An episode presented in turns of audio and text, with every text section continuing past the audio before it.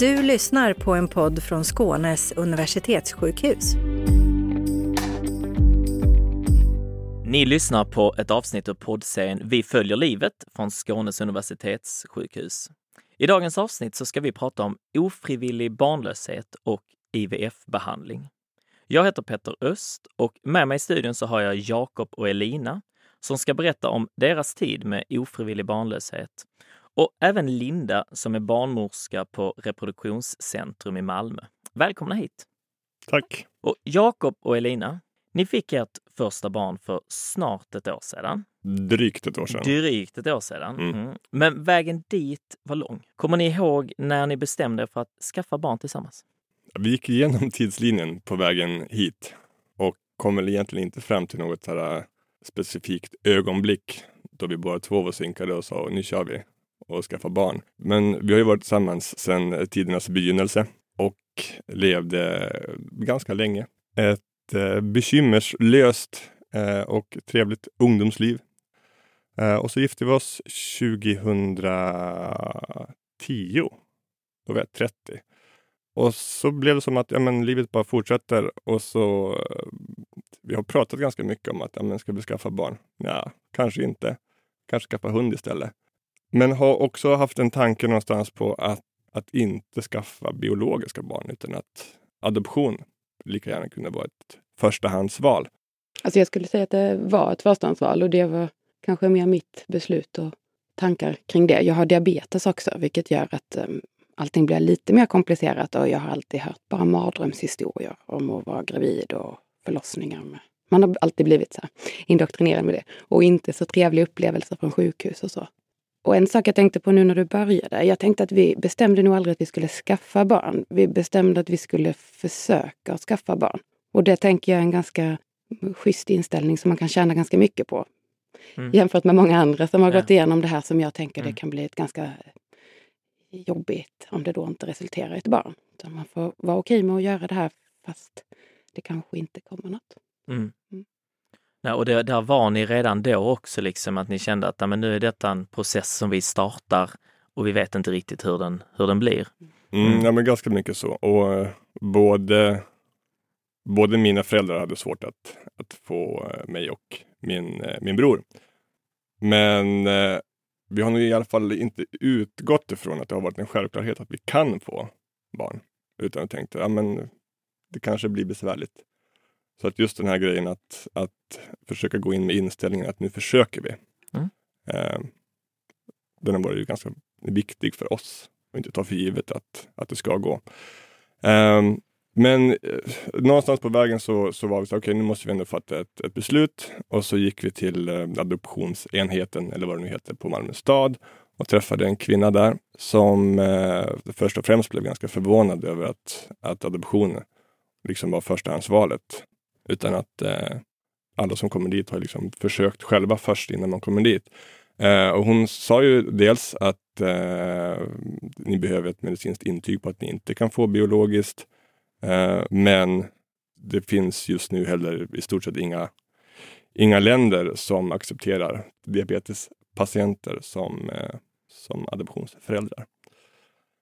Och det var ju lite grann ett ganska tungt bakslag. Eh, så gick vi hem och bestämde oss för att okej, okay, men eh, nu pallar vi inte riktigt fatta något beslut utan vi fortsätter som vårt liv har varit. Men, men vi hade ju liksom ändå kommit så pass långt i funderandet kring eh, att barn var någonting som vi ville ha. Eh, och det blir ju också så när, när det liksom inte löser sig att, att man bara hux flux är gravid så hinner man tänka ganska mycket och formulera tankar på varför man vill ha barn. Och hinner väl också tvivla en del just för att ja, men, vårt liv är ganska bra även utan barn. kan man fortsätta ändå. Men jag tänker också att det var ganska viktigt, inte bara att vara barn utan att få vara en familj. Och det är väl också en sån grej att de ramarna är lite lösare. Mm. Ja, och, och, och, när ni, det här eh, beslutet som, som att ni i första hand gick till adoptionsbyrån, eh, var det Vet ni hur tankarna gick där? Vad var det starka liksom, motivet kring det? Var, det? var det de här historierna du berättar om dina, vad du hade hört för upplevelser om själva graviditeten och förlossningen eller var det en tanke kring just adoption? Jag tror det var att vi var tvungna att sätta igång någonstans och att det kändes alldeles, alldeles för avlägset med, med IVF. Jag ville verkligen inte. Jag var jätterädd och, och ville liksom inte utsätta kroppen för det på något sätt. Alltså jag var rädd för hela processen. Um, så jag tror att vi också försökte att inte till sist tänka så mycket utan bara göra. Och det har varit eh, lite eh, tråd som har hängt med. Jag tror väl också att det har varit att eh, ingen av oss har haft det här eh, som vissa beskriver, en, en, en, en kroppslig längtan efter biologiska barn. Jag har, jag har aldrig känt det i alla fall. Eh, ett, ett adopterat barn är ju ett barn som vilket annat, även om det kommer från mig eller från någon annan. Så där har jag aldrig sett någon skillnad. Men, men också att, att, att börja någonstans var väl så här, ja, ja nu. Ja, och att i slutändan att få barnfamilj, om det mm. är med, att det är det som är målet mer än att det ska vara ett barn som kommer från mig. Liksom. Mm. Hur gick ni vidare när ni fick ett då, eh, som jag förstår det, ett, ett nej från adoptionsbyrån här. Mm. Uh, hur, hur, eh, hur gick ni vidare därifrån? Ignorerade ett tag och sen tror jag att vi faktiskt vi gjorde allting väldigt kortsiktigt. Att vi bestämde sig, okej, okay, men vi går på ett möte för utredning när, efter det hade gått några år där och och försökt själva och, och ligga på schema. Och efter några år med det så är det inte så jättekul. Då, kan, då fattar man att man måste liksom gå vidare. Och då bestämde vi inte, nu ska vi göra IVF. Eller jag gjorde inte det. Jag bestämde att men vi går på, en ut, vi går på ett första möte och så har det egentligen gått typ tills bebisen föddes. Att det liksom får vara ett, ett steg i taget. Liksom. Mm. För man vet ju inte hur man mår eller hur, hur, vad som händer. Liksom. Men, men den här, för då under tiden, även i samband med att ni eh, pratade med adoptionsbyrån och sen att ni började, så under tiden så försökte ni få barn eh, själva mm. hela tiden? Mm. Nästintill, kanske inte i början efter adoptions... Nej, efter, efter adoptionsnejet så, så var det inte så, så schemalagt. Eh, utan, men just det här med, med tidslinjen så här efterhand, det, allt känns ganska suddigt. Det känns som en, en, en lång och ganska grå period.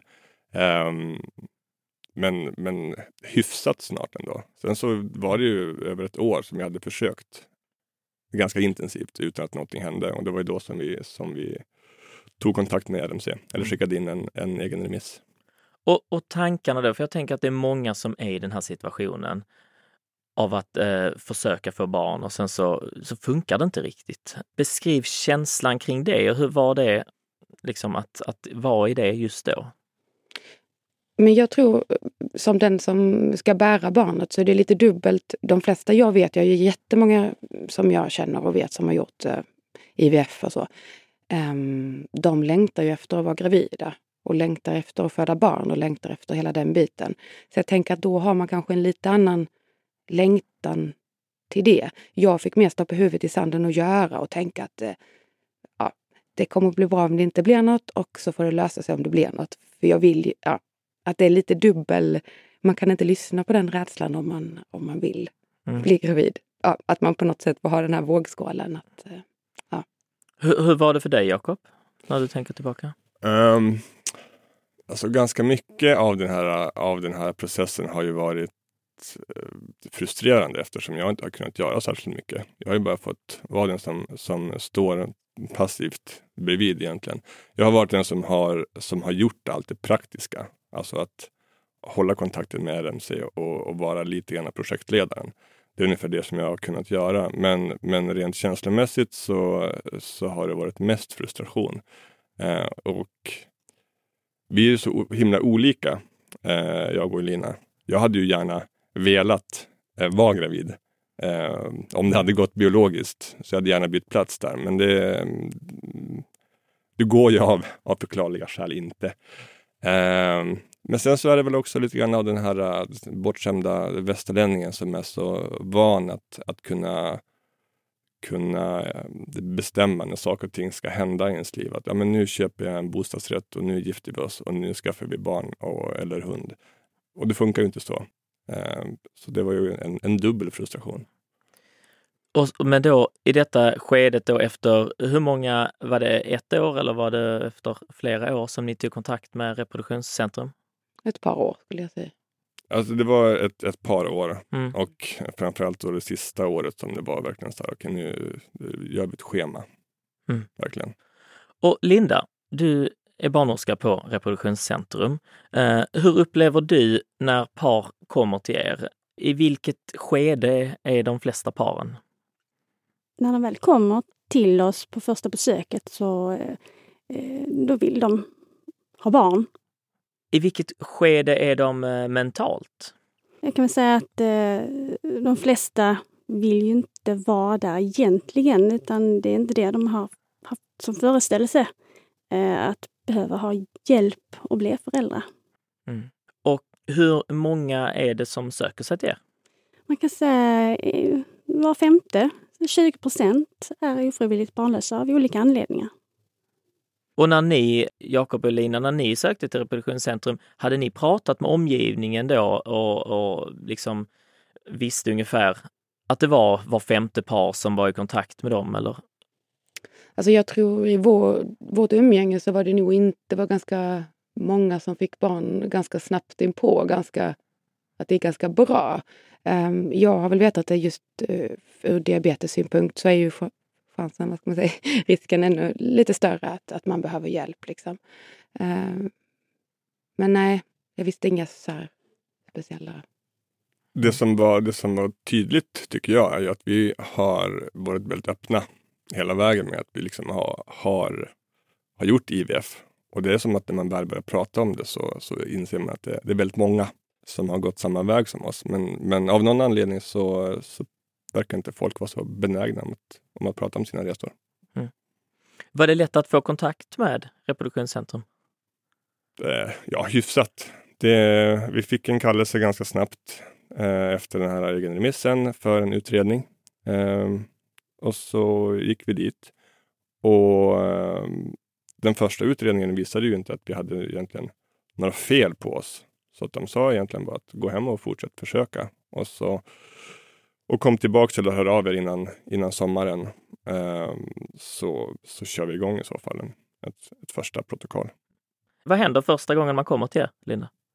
Eh, Efter man har skickat in egen remiss, om det är så man har sökt, så blir man kallad till, som vi kallar, parmottagning. Man har tagit prover inför det besöket.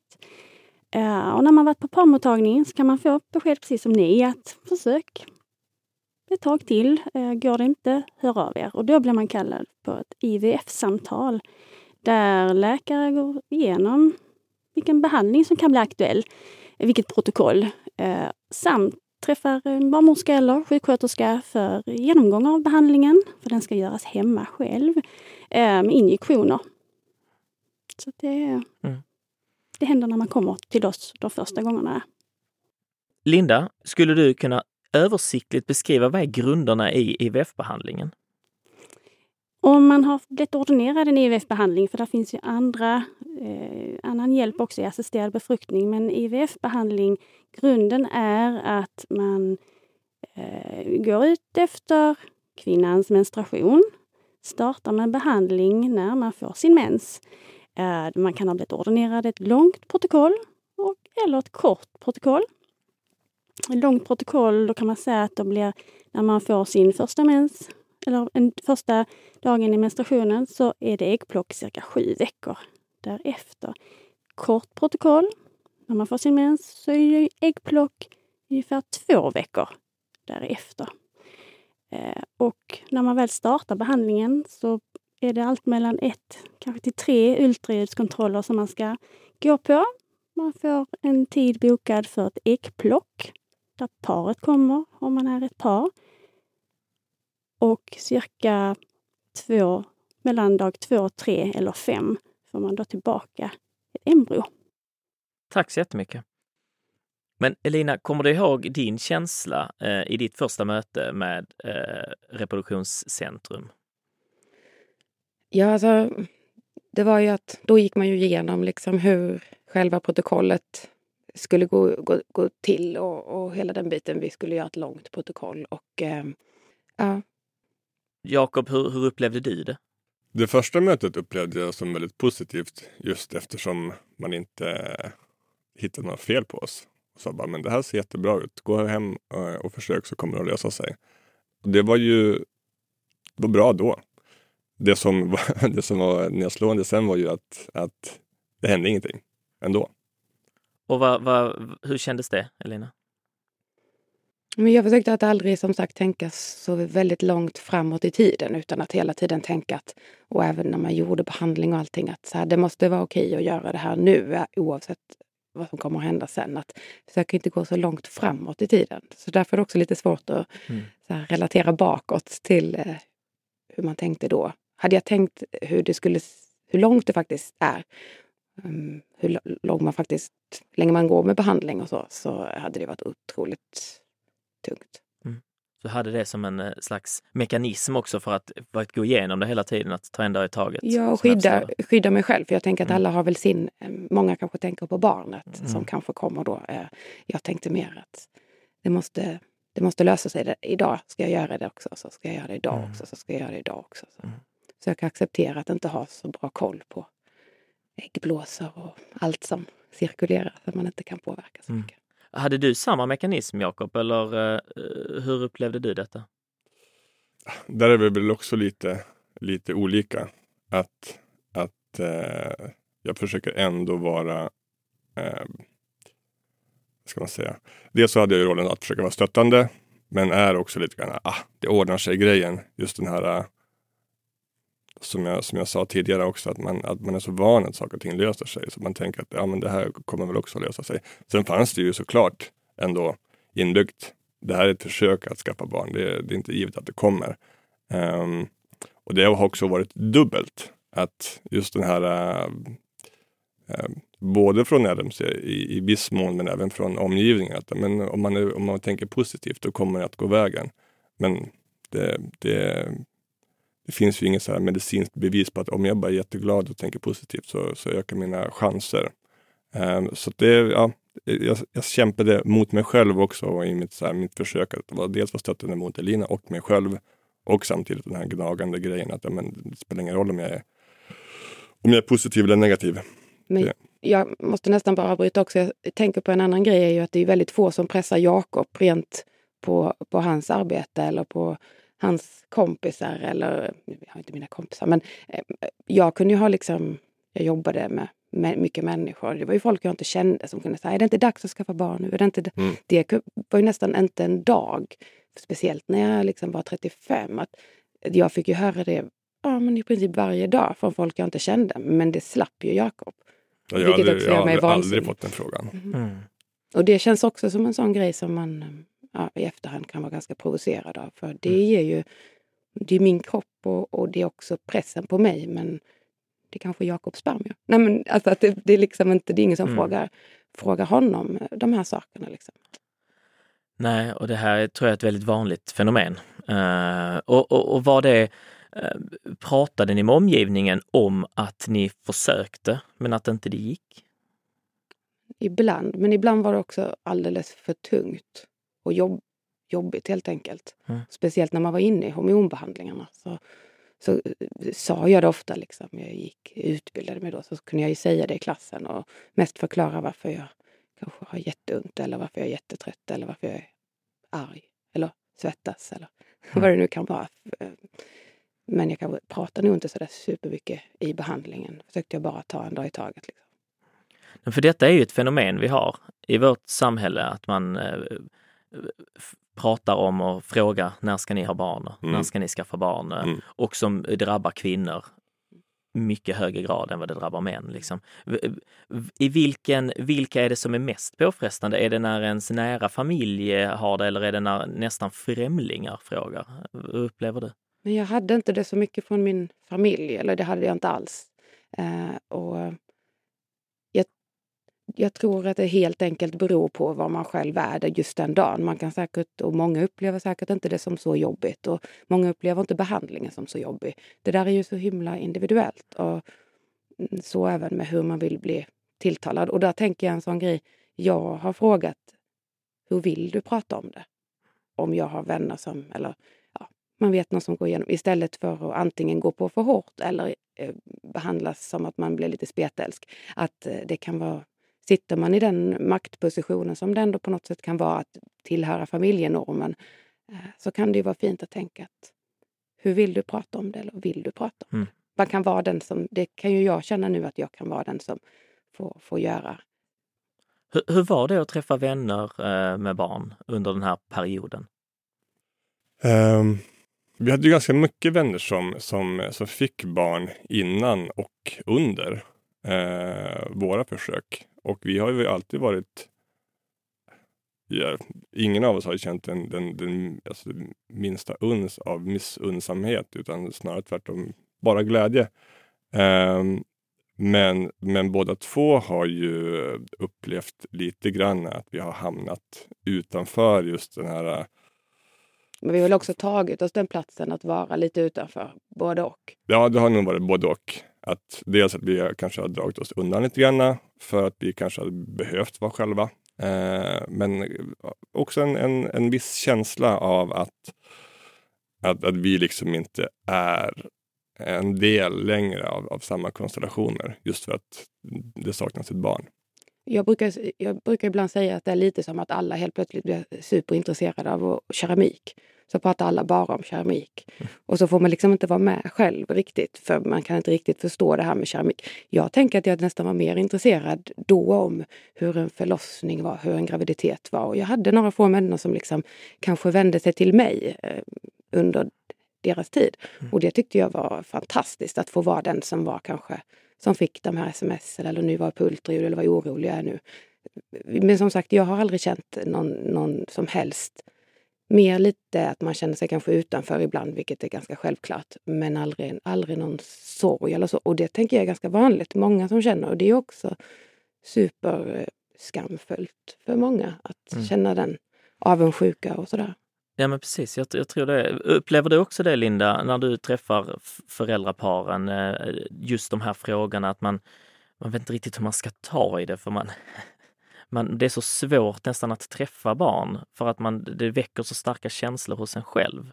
Är det något som är vanligt? Ja, det, det upplever jag också. Vi, eh, när vi träffas i samband med ultraljudskontrollerna så har vi en liten tid att prata eh, innan, mm, alltså efter, efter ultraljudskontrollen. Och det är ofta det som kommer upp där att eh, just omgivningen med barn, att man väldigt gärna vill men man vet inte riktigt hur man ska uttrycka sig. Eh, det är nu ganska vanligt också med den här avundsjukan som ni berättade att ni, ni kände. Eh, men det är oftast svårt att veta hur man ska handskas med sina känslor. Så eh, det är bra att komma till oss och prata av sig. Mm. Mm. under behandlingen men även efter. När ni kom i kontakt nu med eh, Reproduktionscentrum och eh, eh, så skulle ni fortsätta allting så bra ut, men sen så gick det inte. Fick ni ett andra möte? Eh, ja, det fick vi ju eftersom det inte hände någonting.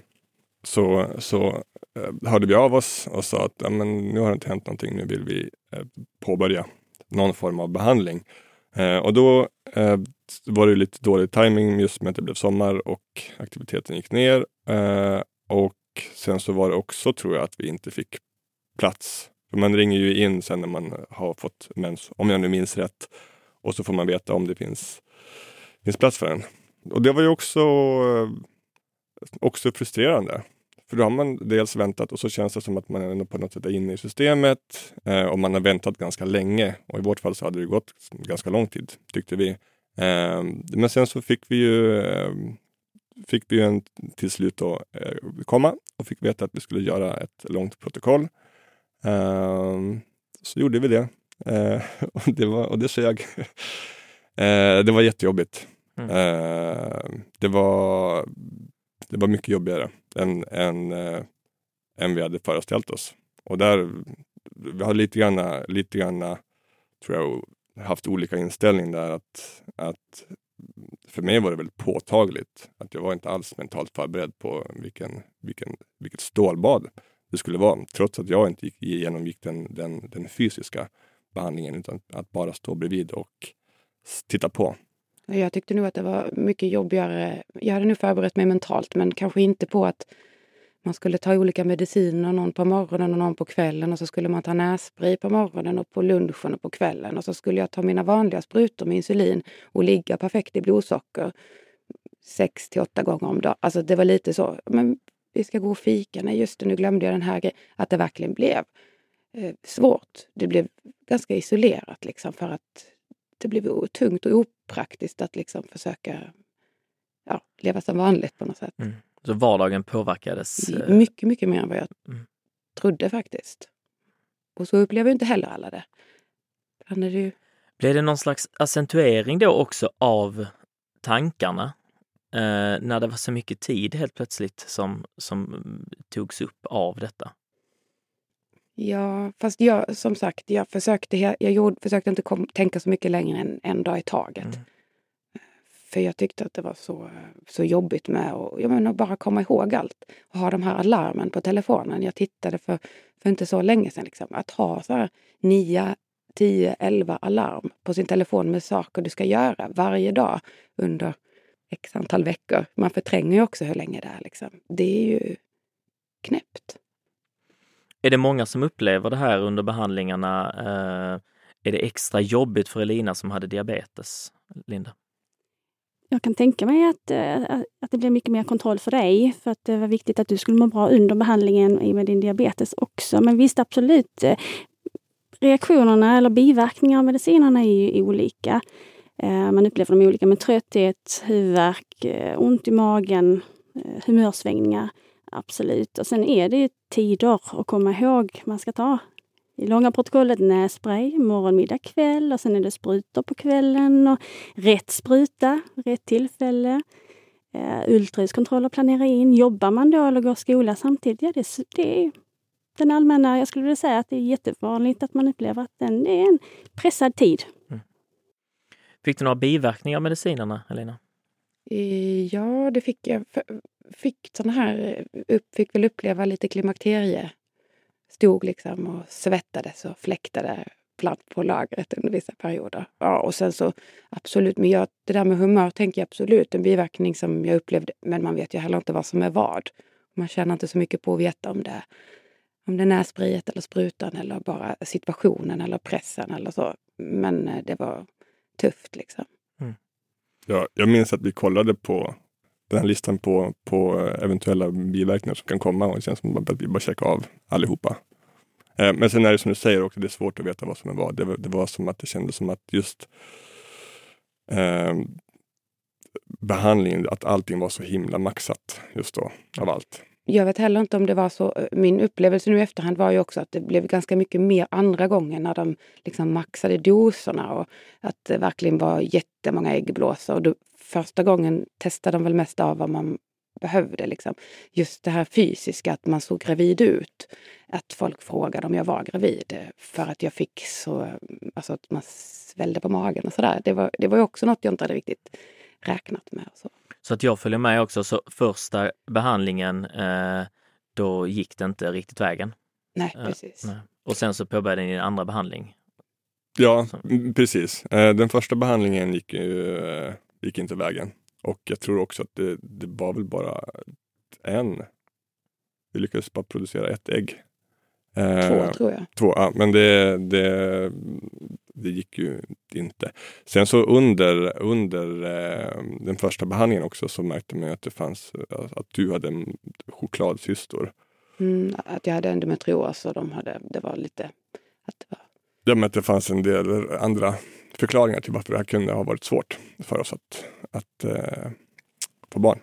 Så ni fick lite mer förklaringar när man gjorde ytterligare undersökningar än vad hade ni fått i första skedet? Liksom. Ja, och framförallt på äggplocket så märkte de då att det var, vet jag inte riktigt, men det var liksom blod i äggblåsorna och så som det inte skulle vara. Så de tyckte var så här, ja, men det, det är inte konstigt att det inte lyckades själva. Utan... Är det vanligt att man eh, gör flera behandlingar, att första behandlingen inte är eh, liksom funkar, Linda? Vanligt, eh, svårt att, att säga att det är vanligt, men absolut det händer. Man vet ju inte hur kvinnan reagerar på hormonstimuleringen eh, när det är första gången. Eh, så att absolut, eh, kan inte bli, ibland så blir det inte önskat resultat första omgången och då får man göra om. Antingen öka medicinerna, ibland kan det vara en annan typ av medicin och öka den dosen. Så att, eh, då får man skräddarsy, eller försöka skräddarsy så att det blir bra andra gången. Mm. Hur var det att stå bredvid och se det här, Jakob? Ja, men det, det, det var som jag sa tidigare, att just den här frustrationen och eh, ja, men hjälplösheten. Det, det fanns ganska lite jag kunde göra och just under då att, eh, behandlingen eh, se hur allting eh, accelererade eh, för Elina och även för mig själv rent mentalt. Eh, det, var, det var tungt. Det var jättetufft. Fick du några mediciner eller någon, något, något du skulle hålla dig efter? Nej, det fick jag inte. Eh, jag, eh, däremot så gick jag till, till en psykolog eh, efter ett tag själv. Och det var jättebra. Är det något som ni rekommenderar era patienter, Linda, eh, eller föräldraparen som kommer till er att, att eh, träffa en psykolog eller kurator under en sån här period? Eller är det något man själv söker sig till? Eh, det kan vara att man söker sig själv, men vi rekommenderar också ibland. Det här är ju en, en stund som i stress. Man reagerar väldigt olika. Vi har ju Hos oss har vi en psykolog som arbetar med dessa frågor och det kan vara att man behöver träffa en psykolog innan behandling, men även under. Det händer efter också, eh, för, för att handskas med alla känslor som, eh, som kan komma upp. När, när ni var i kontakt med eh, RMC, då, reproduktionscentrum i Malmö, kände ni att det var lättillgängligt att få prata med någon under processen? Alltså, vi fick ganska tidigt reda på att det fanns en, men nu i efterhand när vi pratade kring det så, så var det ju också att man träffade ju hela tiden, ehm, jag har en väldigt fin upplevelse av, jag tyckte var väldigt nöjd med RMC, men man träffar ju hela tiden olika läkare och olika personal. Och jag upplevde väl att det hade nästan varit, vi hade, nu, vi hade nog behövt prata med någon, tänker jag, men att det, det var så mycket fokus på all medicin och all behandling att, att det hade nästan behövts någon som sa att så på torsdag har du en tid där. För att mm. vi hade nog inte kapacitet, eller jag hade inte kapacitet då att ta, ta det liksom, att kräva det eller så. Kunde mm. jag, upplevde jag det. Och det kan ju vara någonting, eh, jag vet inte hur ni jobbar kring detta, om det är någonting som ni tänker på också ibland att sätta in, nästan boka tid. Det händer, gäller ju för oss som jobbar där att vara lyhörda också, för det är inte alltid man uttalar det där behovet utan att faktiskt vi kan erbjuda Uh, nu vet jag att det är drygt ett år sedan ni fick barn. Och på det året så har vi fått mer psykologtid. Så att det fanns kanske inte samma erbjudande när ni gick på Till och med att det var helt nytt då, de precis hade fått. Så att det kändes som att det var något som var jättebra och positivt men det fanns ingen riktig struktur just då i hur man precis. kom dit. Så det är mm. säkert mycket bättre. Hur gick det sen med den andra behandlingen?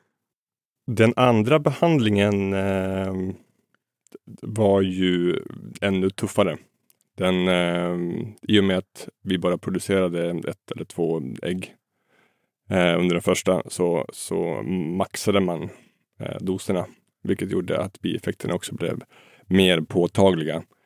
Ehm, samtidigt så det var ju en det var ganska konstigt eh, efter den första. För trots att det blev en, såklart en, en enorm besvikelse över att det inte blev någonting så fanns det också en, en, en lättnad över att okej, okay, nu är den här skiten över. För nu i alla fall. Eh, och det var kanske därför som vi också valde att eh, ganska snabbt in på påbörja den, den andra. Mm. Vi bestämde att vi kör på precis. Jag tror det var, det var någon fördröjning med någon månad där, för det var fullt. Men eh, sen kom vi igång ganska snabbt och eh, den var som sagt eh, väldigt tuff. Då var jag också tjänstledig under den perioden för det var ganska jobbigt att jobba eh, första gången med biverkningar och sådär. Men jag fick ju jätte, ja men jag blev fysiskt stor och fick liksom graviditetsmagen och hela, fast på grund av att äggstockarna svällde så mycket, vilket jag tänker händer en del. Eh, ja, så det var, det var tufft, men det funkade ju. Det funkade ju, och det, men det visste vi ju inte. Men under, under eh, den andra behandlingen så var vi ju så var frågan på bordet, ska vi ta en tredje gång för att det här är, alltså orkar vi med det? Det var, det var så pass knäckande. Och då bestämde vi att vi inte ska ta beslut på det. Jag tror flera gånger så satt vi och pratade om att jag tar de här sprutorna idag så får vi se mm. imorgon. Mm. Om jag inte pallar så slutar vi, avbryter vi för att det var liksom så tufft mm. ibland. Mm. Men då blev du gravid ja, efter den andra behandlingen? Mm. Och eh, hur var det vara, hur gick graviditeten? Ja, men det, var, det, det är också ganska tufft eftersom jag har diabetes. Så var det ju en ganska... Man har väldigt mycket koll och man får väldigt mycket vård och det, det känns tryggt på det sättet. Men man måste också prestera väldigt mycket. Man kan inte äta vad man vill, man kan inte... Man helt liksom... Det ska ligga perfekt i blodsocker. För du har, har en annan människa i kroppen som, som liksom kommer att må som du presterar på något sätt. Så det var ju fortsatt prestation på något sätt. Och det i sig var ju också en enorm stress för dig. Mm. Att, att hela tiden tänka att det är en sak om man bara har sig själv att ta hand om. Eh, addera en, en till person så blir ju pressen på något sätt mer än, än, än dubbelt. Så upplevde i alla fall jag det. Efter den här långa perioden, hur var det att berätta för familj och anhöriga om graviditeten? Eh, ni har ju varit väldigt öppna i det här hela vägen, men, men var det något speciellt ni tänkte på kring att öppna upp er på nytt nu liksom? Jag minns faktiskt inte riktigt. Och jag tror också att vi har varit öppna hela vägen, men vi har också isolerat oss. Så vi har ju varit öppna när vi har orkat vara öppna och när vi inte orkat vara öppna så har vi stängt dörren och varit själva. Jag tänker att det är också en sån grej. Nu är vi väldigt öppna och, och pratar om det gärna, men, men just då var det ju inte så. Um, ja. Mm. Jag, jag minns att jag tyckte att det var, att det var ganska jobbigt eh, att vara så pass öppen. För det, det var nödvändigt att prata om det, men det innebar ju också att man fick ganska mycket frågor eh, som man inte kunde besvara på. Ja, men vad händer nu? Men just det också Va- att folk frågade. Hur gick det? Blev ni gravida? Mm, Det var inte så kul eh, tre veckor efter det negativa beskedet att nej. när det gick inte. Att vi bestämde andra gången att vi faktiskt inte ska ingen behöver veta exakta datum när, när det sker och när det blir liksom. nej. För det är ju också väldigt speciellt att man egentligen från dag ett mer eller mindre vet om att man är gravid. Så att, och det vet man ju i normala fall inte. Om förrän- man inte vet när någon ligger och frågar specifikt efter när de... För det är ju så orimligt det är att Mm. fråga så. Ja men visst. Efter en vecka. Mm. Okej, är du gravid nu? Mm. Mm.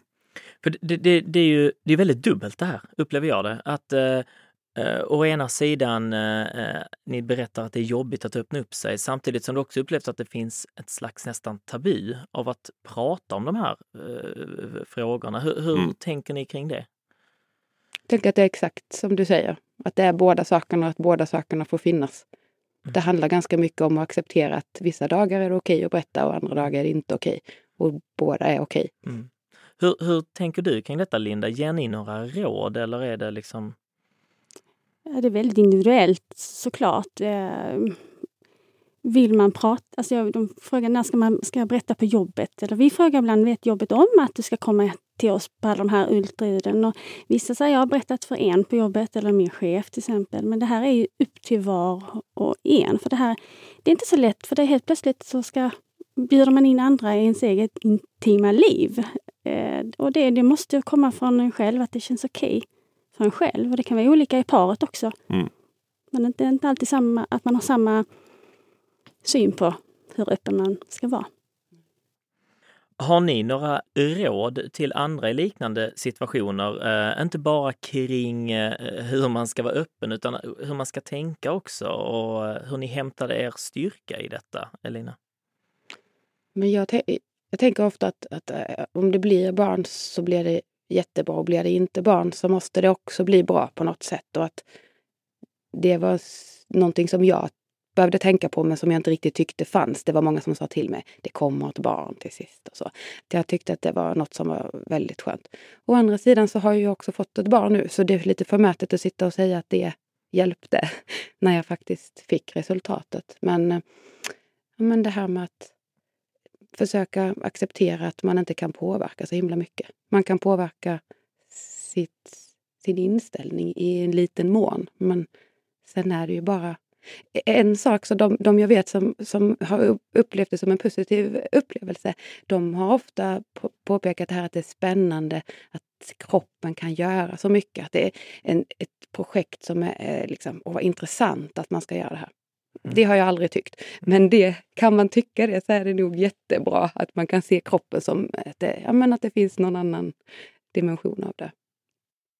Eh, det jag tänker på är ju att inte göra som oss och sätta livet på paus, utan att försöka men, leva som, som vanligt och, och kanske i ännu större utsträckning hitta på saker som man tycker om och ha saker som man ser fram emot. Och vi fick ju också det här rådet från RMC. Men, men för vår del så var det, det var svårt. Det var egentligen efter, efter det första misslyckade försöket som vi som det kändes som att vi på något sätt kom tillbaks eh, till någon form av, så här, ja, men det kändes som att det blev lite, återigen att det var väldigt dubbelt. Det var, fanns en, en besvikelse men det fanns också en, någon form av, av känsla av medlut, att det var nedförsbacke, att man hade liksom kämpat sig över det här krönet och i samma veva efter det så, ja men vi var ute och reste. Just det. Vi var eh, faktiskt jätteglada att det var över. Ja. Det var en stor glädje i att eh, första försöket var över och, och vi vilade ganska mycket i det mm. eh, några veckor där. Att det var, ja. Att livet var, att livet var, var skönt att leva ändå. Det var skönt att leva ändå, ja. Sen så, så som Elina säger, så att även om det är väldigt svårt att, att försöka förhålla sig till eh, ett, ja, men, fortsatta negativa beslut. Att ja, men, det kanske inte kommer något barn. Även om det är jättesvårt, på samma sätt som om man har kanske en närstående som har en sjukdom, eh, en, dö, alltså, en dödlig sjukdom. Att man vet att personen kommer att försvinna någon gång så är det helt omöjligt att, att på något sätt förbereda sig för den dagen. Men, men att ändå liksom jobba med det inom sig så att det inte helt kommer som en chock att, att nej, okej, det blev inga barn. Utan att det, det går att leva ändå. Så försökte i alla fall jag tänka. Och att inte ta för givet, som jag förstår är, att det är en självklarhet att alla ska kunna få barn, utan Nej. att det är många. Inte lyssna på dem som säger det. Nej. Det är många som säger det mm. i affären. Mm. Mm. Och sen, nu har ni ett barn. Och hur är vardagen, hur är livet nu för er? Att vara en familj? Det är jättefint. Det är spännande. Jag tror att det är en lite annorlunda. Det har ju varit en väldigt lång graviditet med alla åren och jag tror att det nog har gjort också att, att vår så här bra vår eh, inställning som har funkat fint för oss med att inte ta det för, för givet har väl också gjort att det har tagit ett tag att förstå att vi faktiskt är en familj. Och det är väl kanske nackdelen med att eh, tänka på de här alternativen så himla mycket att ja, det är inte säkert att det kommer ett barn. Vi ska se till att vara en familj ändå. Ehm, att, att ta lite, det tog kanske lite längre tid men, men det är jättehäftigt. Mm. Ja, ja, absolut. Eh, det, det, det, slår mig fortfarande ehm, ganska ofta att, eh, att det funkade. Att jag liksom nästan blir överraskad i, i, i, stunden när jag, när jag är med Allan. Att wow, det, det gick trots allt. Ehm, trots, trots några bump längs vägen eh, så funkar det. Och att ja, varje gång som jag känner det så känner jag också en, en enorm tacksamhet till det, till det svenska sjukvårdssystemet och, och skatten vi betalar. Mm. Och man kan säga så att ni hade varit en familj ändå, men nu är ni en liten mm. större familj. Precis. Mm. Ja, exakt. Och det är också en, en, en, del av som, som jag kan fortfarande tycka är lite, lite provocerande med familjebegreppet. Vad, vad, det, vad det är och vad det förväntas vara. Mm. Och Linda, jag kan tänka att det är många som sitter och lyssnar och som sitter i en situation i olika skeden av det här. Men eh, första steget, om man vill ha mer information, var, var ska man vända sig då? Jag skulle rekommendera att man söker, för att få korrekt information så rekommenderar vi att gå in på 1177 Vårdguiden. För det, det är som sagt granskad information eh, och inte googla för mycket. Och då eh, skrattar ni lite här nu, både Jakob och Lina. Var, det, var detta en, en, någonting ni gjorde? Googlade runt och... Jag tror det har hänt ganska mycket också, för vi googlade väl för att försöka hitta information och då fanns det ganska lite information, eh, förutom på vissa sajter. Eh, och då försökte vi att inte läsa så mycket där. Men, men det, det känns ju som att det har kommit upp ganska mycket mer information senaste året, åren, skulle jag säga. Eh, det kom lite andra podcasts och lite sådär mm. som man kunde läsa. Men att det är viktigt då att, eh, som jag förstår Linda, att, att komma till en trygg mm. sajt eh, när man googlar och veta. Ja, att det är korrekt information, förklara begreppen och också råd var man kan vända sig för bästa hjälp. Mm. Tack så hemskt mycket, Jakob och Elina, för att ni velat dela med er av er historia. Ska vi få komma? Mm. Och tack Linda för att du delat med dig av din kunskap här. Det har varit jättefint att sitta här med er idag. Detta var ett avsnitt från poddserien Vi följer livet. Och lyssna gärna på våra andra avsnitt också. Och har du nu några funderingar så som sagt, ett första steg kan alltid vara att gå in på 1177 på internet. Hej då! Du har lyssnat på en podd från Skånes universitetssjukhus. Lyssna gärna på våra andra poddar.